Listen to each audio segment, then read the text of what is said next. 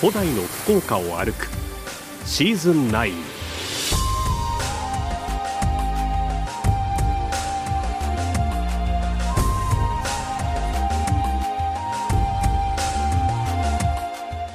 遥かな昔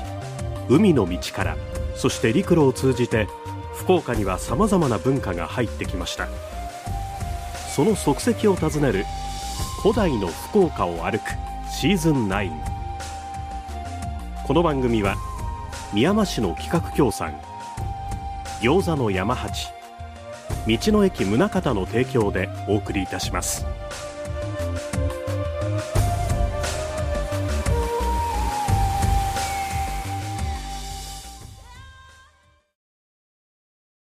こんばんは坂田修大です。古代の福岡を歩くも9年目シーズン9を迎えました。シーズン9の1回目も去年と同じ古代の福岡を歩くではなくお隣の県佐賀県の吉野ヶ里遺跡から始めます。吉野ヶ里遺跡は1986年の発掘開始以来その出土品などから邪馬台国と結びつくのではないかということで大変注目を集めてきました。そして今年4月に出土した石棺墓の調査で日本中から注目を集めました。発掘調査の対象地はかつて神社があったために調査されなかったエリア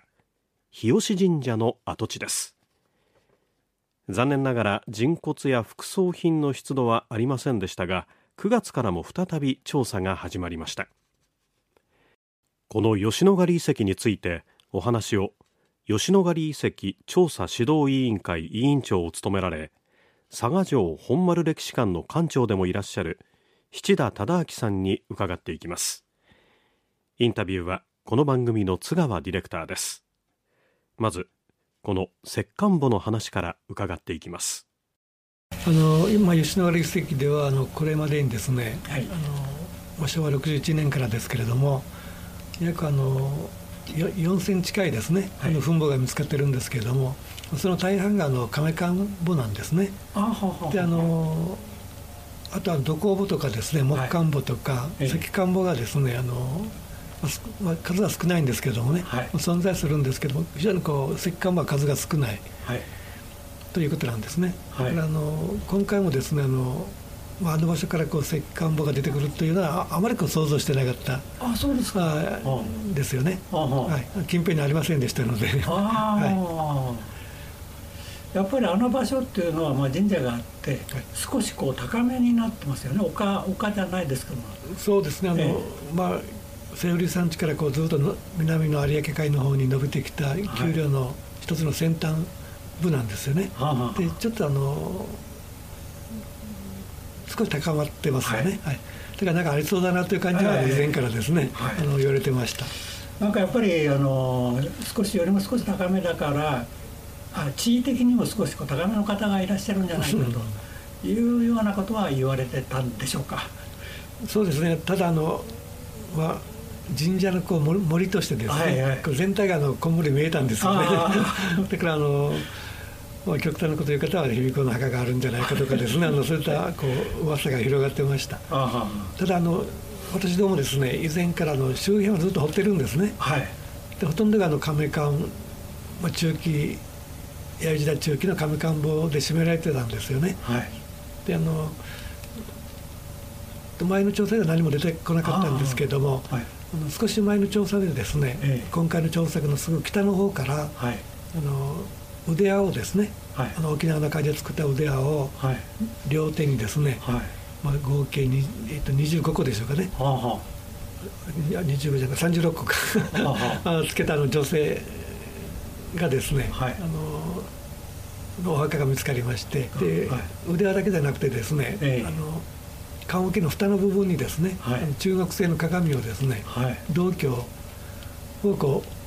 うが置かれてました。はあはあ。はいまあ、小型の銅鏡なんですけども非常にこう上質のですね、はい、あの素晴らしい銅鏡でした、はい、あその銅鏡はあの出てきて出土した近辺にだったわけあだから今あの発掘をやってるすぐ北側。すぐ北側に。北もう20メートルぐらいでしょうかね。それぐらいのこう集団墓地内の一つの亀館から出てきたんですね。はい、二ってそのほんのすぐ近く、ね、あもうすぐそばです。であるだけに期待はされたんまあ、あの少しはですね。はい。はいはい、はい。それであの有力者の墓であるんじゃないかと言われたのがあの赤色顔料があったと、はい、ついてたと、はい、いうことですけども、はい、それで大体それ有力者っていうのは分かるんですか？そうですね。あの赤色顔料はあの硫化水銀種なんですね、はい、だからあのあんまりこう入手できないあの顔料なんですよね。はあ。であの吉野ヶ里遺跡でもあの噴気墓ございますよね、はい、あれは少し前の中期段階ですけれども、はいはい、あの噴気の亀管の内側にはもうほとんど全てですね、ええ、あの詩が塗ってあるんですね。でその中の大半が道剣とかですね、はい、あのクラスの玉を持っているまあ、有力者ということが分かるんですよね。だからあの一般たくさんこう群をなして埋まってる一般の墓地の亀管にはあまり塗らほとんど塗らないですよね。だからやっぱりこうどちらかというと有力者の分母でよく使われる顔料だということですね。あそうですか、はい、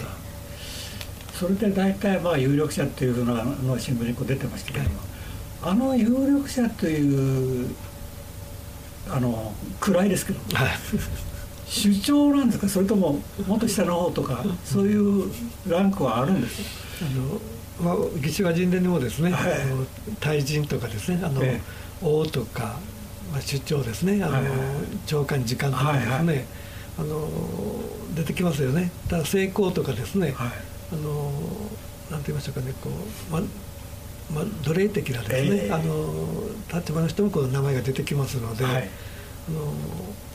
まあ、どれぐらい方でどれぐらいこう分類ができるか分かりませんけど、えー、一応期待されたのはやっぱりこう弥生時代後期、ま、後半のですね、はい、末のいわゆる邪馬台国時代の、はい、まあ、吉野ヶ里を治めた出張クラスの人であればいいなということをですね、皆さんが考えたようですけれどもね。大体、まあ赤色顔料でそういうのをこう位置づけることは赤色顔料だけでは無理なんですねやっぱりこう、まあ、中国とのこう外交の成果である中国製の大きな銅鏡であるとかですね、はい、鏡であるとか中国製の当時最新の武器ですね、はい、である刀ですね、はい、ああいったものをこう備えられている人が大体間違いなくあのまあ、政治的と言いましょうかね、はい、あの身分の高い方だと考えられますよね、はい。まあ、いわゆる市長ですね。はいあの赤色顔料赤色の顔料ですけどもベンガラというのももう一つありますね。あります、はい、ベンガラというのとその種というのは全然違う、はい、そうですね。あのベンガラはあの硫化あの酸化鉄ですよね。あ酸化鉄なんですか、はい、あの自然にこう、ま、あのこう層をなして埋まってるんですね。まあ、硫化水銀も、まあ、層をなして埋まってる、はい、あるいは硫化水銀をたくさん含んだあの岩石がですね、はい、あるこう土層の中にこう埋まってるということなんですね。はい、で全くあの科学的に違う内容ですよね。あそうですはい、だからあのベンガラはですね、はい、あの遺体にはあまりこう遺体とか亀棺とかいうお墓にはですね、はい、あのあまり使わないですね。そうなんですただあのそういうお墓のお祭りとかですね、集落のお祭りで使うこう赤い土器ですね、ああい。うのではこうベンガラを塗って焼くんですね、はい、ただあの3回で焼きますので、はい、空気をたっぷり含んだ炎で焼きますので、はい、真っ赤かに白色するんですね。ところがあの硫化水を塗って焼いても赤が発色しませんので全然成分が違いますのでね。あれはもうそのままその岩石を潰して水に溶いて痛いとかですね、あの棺桶の中にこう塗る。あるいは振りかけるということをやったみたいですね。あそうですはいとそうするとベンガラよりも種種いわゆる種の方が身分的には少し上からということになるんですか？というかあの、まあ、そういう差じゃなくてですね、はい、あの用途ですよね。あ、はい、あの埋葬あの棺を棺桶であるとか遺体に吹きかけるのは硫化水銀なんですね。種なんですね。種ですね。はい、はい、で土器に塗って焼くのはベンガラなんですよ。そういう違いがあるんですね。はいはいはい よくわからない、両方ここあの間違って使ったりはしてません。ああそうです、はい、ちゃんと決まってる決まってます。全然こう鮮やかなんですよね。硫化水銀そうですか、はい、石の方。の方。はい。とベンガラというとどっちかというとこう土にこう混じったようなあなんか少しどす黒くなったりですね。はい、だからあの焼き物に塗って焼くと非常にこう空気を含んだ炎で焼きますのでね、はい、あの赤く発色をして非常にこうお祭りに使えるような時が出来上がるんですよね。ああそうですか、はい、かりました、それからですねえー、っとあの、まあ、石が重い石がい。くつかありましたけども、はい、その石の表面にですねバツ印っていうのがありましたよね、あれはどういうふうに考えてらっしゃいますか、まあ、近辺からもですね、えー、あのいくつかの遺跡であのいく数点こう×がですね、はい、ついたのは見つかってるんですけれども、えー、あのあんなにこう前面にですね、はい、あのついたら非常に珍しいですね。ああ。れはそのなんか呪術的な意味ってのは、まあ、そういうふうにこう捉える方もいらっしゃいますよね。えー、ただこう現代的な罰とはですね、はい、意味が違うだろうと思いますので、ね、思うんですね。えー、それからあの大きなのが3枚こうありましてね、はい、あれがあの3つがこう一つのものだったということが分かってますよね。はいはい、で一つ裏返しになってましてね、はい、あのだからあのあの墳墓であの使う時にあんまり私は意味がなかったんじゃないかと思うんですよね。そのバツ印というのが。だから船り蓋として使う前に割る前ですね、はい、あれ持ち運びが大変なので、えー、多分3つに割ってると思いますね。はい、あの割る前墳墓にこう使う前にですね、はい、多分近辺にこう立っていたですね、はい、建てられていたあの石碑じゃないかと思うんですよね。石碑みたいなですね。その時にはそういったこうバツ印が意味があったんじゃないかと思うんですね。何かの印。はい。でないとあの、ええ、遺体をこう棺桶の中に入れてですね、えはい、蓋をする時に一個だけ逆に裏返しになることなんか多分考えられないですよね。ああそうですね。はいはい、えー、だから私は別の用途で使っていた例えば集落全体のですね、はい、お祭りでこう使っていたこう、まあ、立柱みたいですね、はい、立てかけてあったものだろうと思うんですよね。それを再利用したんじゃないかという気がしてます。記念碑的な。はいはい、はい、それを利用したと。はい。だからだから案外こう、宗教的にこう関係のある深い方かも分かりませんよね。そういったことから言うとですね、はい、今週は佐賀県吉野ヶ里遺跡の話を吉野ヶ里遺跡調査指導委員会委員長で佐賀城本丸歴史館館長の七田忠明さんに伺っています。今度は漢号について伺っていきます。漢号というのはあの、まあ、吉野ヶ里がちょうど弥生時代初めから終わりまでっていうふうに去年伺いましたけど、はい、その漢号は最初から最後までやっぱりあった？大体大体ありますね、はい、だったら南の方で始まって、はい、あのまあ、前期のは南にありますね。で中期その南を含んでちょっと大きくなるんですよね、はいはい、で後期になって南北 1km の範囲をですね、はい、あの囲むようになります。だからお互い前のものを使ってるはほとんどしてません。新たに掘ってます。ああそうですか、でそれであの看護は時代によって形とか、まあ、いろいろ変わってくるんですか？そうそうですね。あの一番古いのは何と言いましょうかね。ちょっとこう、まあ、かまぼこを逆にしたですね。ちょっとそこが。はいはい、あの丸くなってる。ちょっと丸丸っぽいですね、はい。はい、から前期も後半になってくるとやっぱりいわゆるこう V の字型。V の字になってくる。実際 Y ですけどね。あの一番そこ縦に掘るんですね。ああそうなんですか。敵が攻めてきて中へ降りていって足がはまるようにですね、かかと壊しとか言うんですけれどもね。あそうなんですほとんどそうであの Y の字をしてるんですよね。あ Y の字の下に、はい、はい、ただあのそういったこう掘り方というかですね、えなんかそういった考え方が一緒に入ってきたんですよね。ああだからすぐもそこは埋まっちゃうんですよね。あ だからこう掘らなきゃいけないというですね、え。あのこう言い伝えとか、はいあるんですよね。あそういう形が看護というのはこういうふうに掘んなさいというような、はい、こう掘らないと敵が攻めてきた時に足がはまるでしょうということで、はい、そうやってまず掘るんですけれどもね、はい、もうすぐにそこは埋まっちゃうんですね、はい、であの中期後期もほとんど同じ形をしてますね。Y の字型あ同じような形、はい、ただあの全体を囲むのがそんな感じでして、はい、あの後期になるとあの内側にまた看護ができますよね、はいはい、南内閣とか北内閣と呼ばれる特別な区域を囲む堀が、はいはい、これはあの違いますねこう台形というかですねあ、はい、あの上が広くてそこは平らなんですねああそうですか、はい、だからどちらかというと前期の古い観光の断面と似てますね、はい、それであの物見櫓っていうのが途中で出てきますから、ね、はい、あの物見櫓が出現した時期というのはいつ頃なんですか、まあ、日本で一番最初はですね、はい、あの福岡県の小郡市の一の口遺跡ってありましてね、はあこれがあの弥生時代中期の初めぐらいの遺跡なんですけどね、ええ、そこはの看護集落ではなくて、え、あの柵をですね、はい、あの集落の周囲にこう巡らせて中を守る、あの構造なんですね。あの、まあ、看護が柵になってるんですけども、はい、その柵がですね一箇所が外に向かってこう飛び出してましてね、はい、その内側に4本柱の建物があるんですよね。これ私はもう日本初の物脈だろうと思うんですね。でその後ほとんど見つからなくて、はい、もうその後が吉野ヶ里になるんですね。あそうですか。だからかなりも数百年もですね、ええ、そういったものがこう入入ってきてないというかですね、はい、日本で立ってないんですよねあのまあ、中国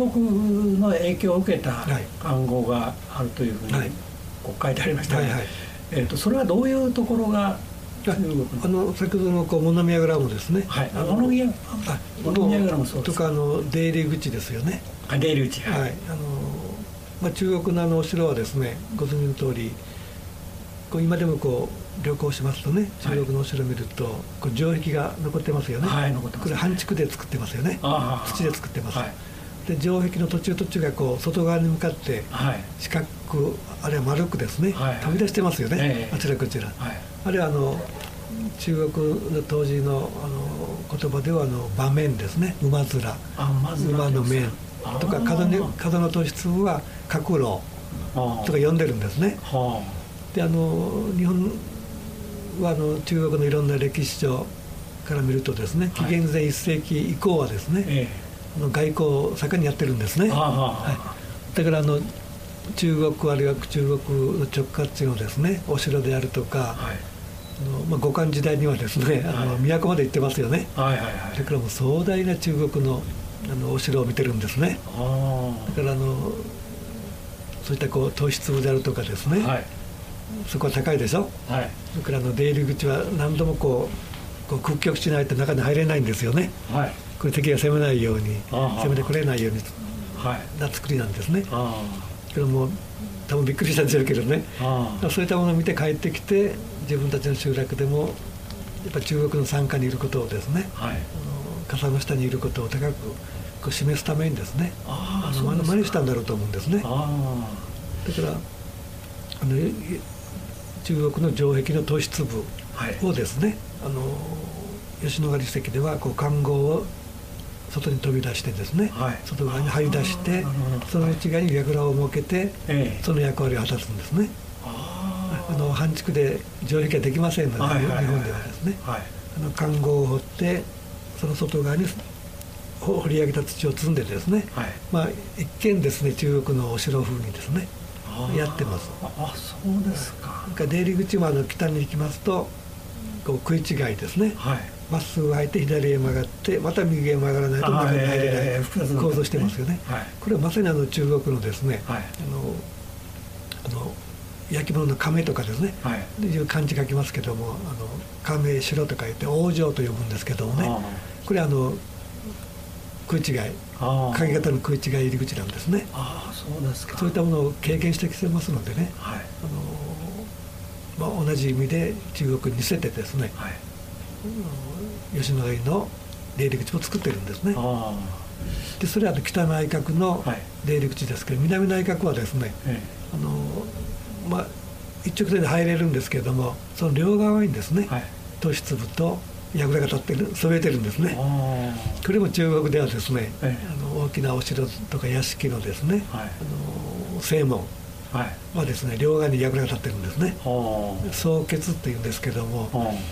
ちょっと難しい感じですけどももうそれを見てないとできない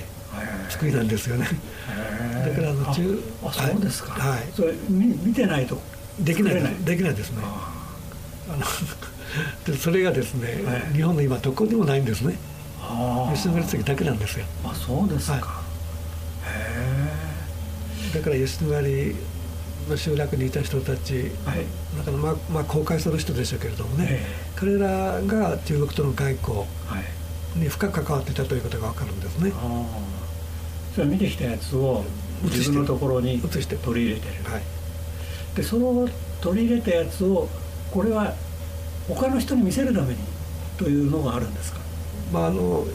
やっぱあるでしょうね。あの、まあ、地域の中心的な集落であったらいろんな人が来ますからね、いろんな集団が入り込んできますので、はい、それに対してどうだというですねこう象徴というかですね。中国とこう関係が深いあの集団であるということをですね、高くあの強く示すためにですね、私は作り上げたあの装置ではないかと思うんですね。本当にこう軍事目的で作ったんじゃないと私は思うんですね。あそうです見た目を。中国らしくしようということで努力したと思います。そうするとあの物見櫓が出現した時期というのは大体中国からの影響を受けたあたり。そうですね。あの外外本格的な外交を始めた頃ですよね。今週は佐賀県吉野ヶ里遺跡の話を吉野ヶ里調査指導委員会委員長で佐賀城本丸歴史館館長の七田忠明さんに津川ディレクターが伺いました。来週もこの続きをお送りいたします。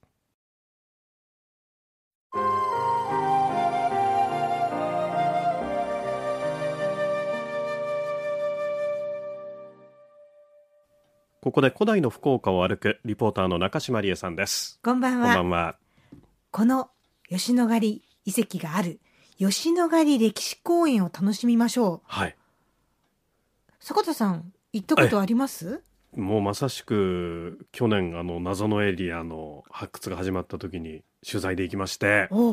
まるでもう弥生の里に迷い込んだんじゃないかという本当に見事に整備された公園ですよね。そうなんですよね。あの物見櫓も目を引きますし、縦穴住居があって、高床倉庫があって、うん、いや本当にあの。タイムスリップした感じがするんですよね。関東医に着替えようかと思いました。ああ、水らも言っていただきたい気がしますけどもね。で、その時に頼りにしてほしい人たちがいるんですよ。この吉野ヶ里歴史公園って拠点ガイドという人たちがありましてですね、えええー、主に南内閣の部分とあと北内閣それぞれに待機してていろんな話を聞かせてくださるんですよ。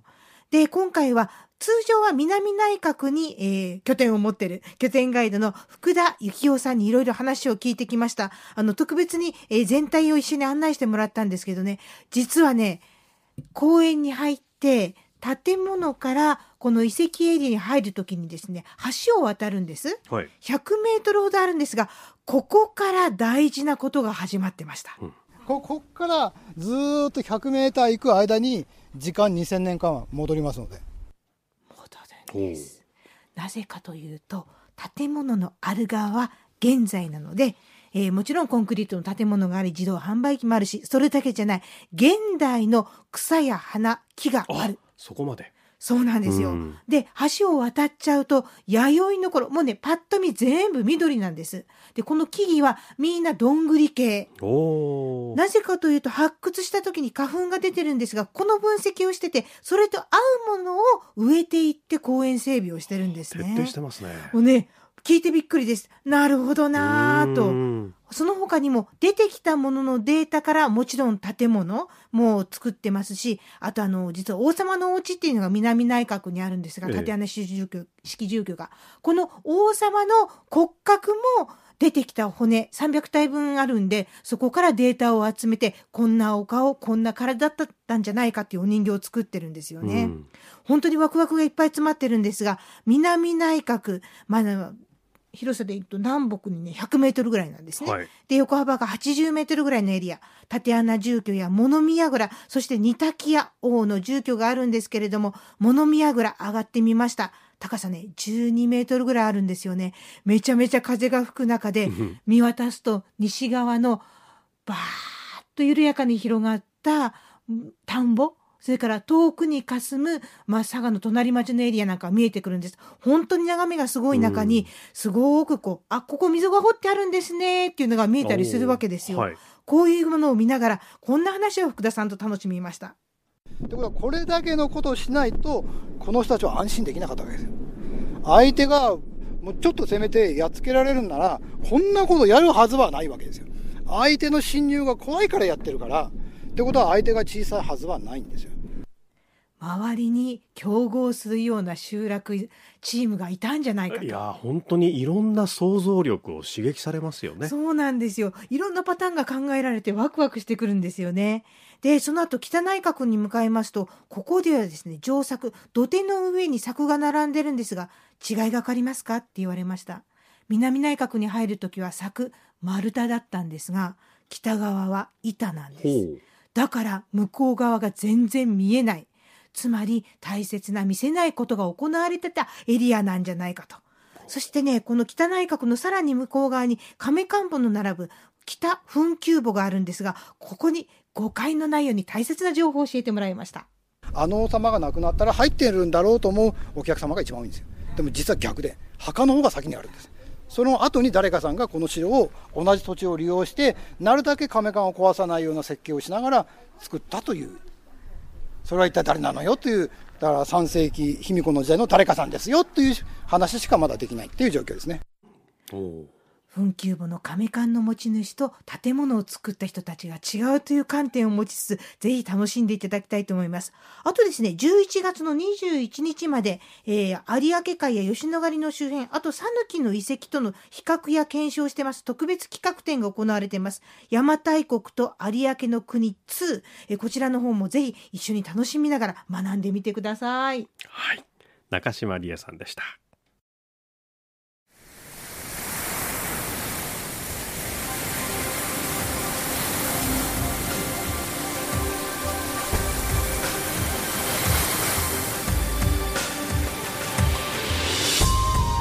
ここで番組からのお知らせです。ホームページのご案内です。これまでの放送内容と番組を1回目からじっくり楽しむことができます。RKB ラジオのホームページの古代の福岡を歩くシーズン9のバナーをクリックしてください。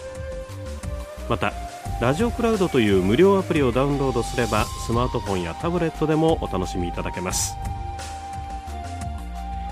この番組は宮間市の企画協賛餃子の山八。道の駅宗方の提供でお送りいたしました。ご案内は坂田修大でした。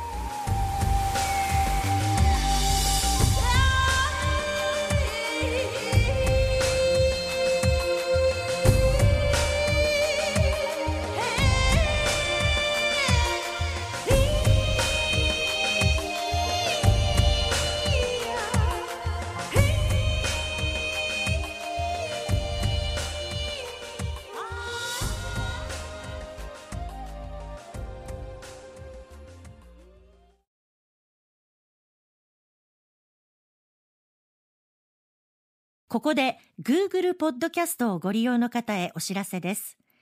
Google ポッドキャストは2024年6月23日をもってサービスを終了します。引き続きこの番組をお楽しみいただくには、ラジコ、Apple Podcast、Spotify、Amazon Music、YouTube Music、いずれかのアプリをご利用ください。これからも RKB ラジオのポッドキャストをお楽しみください。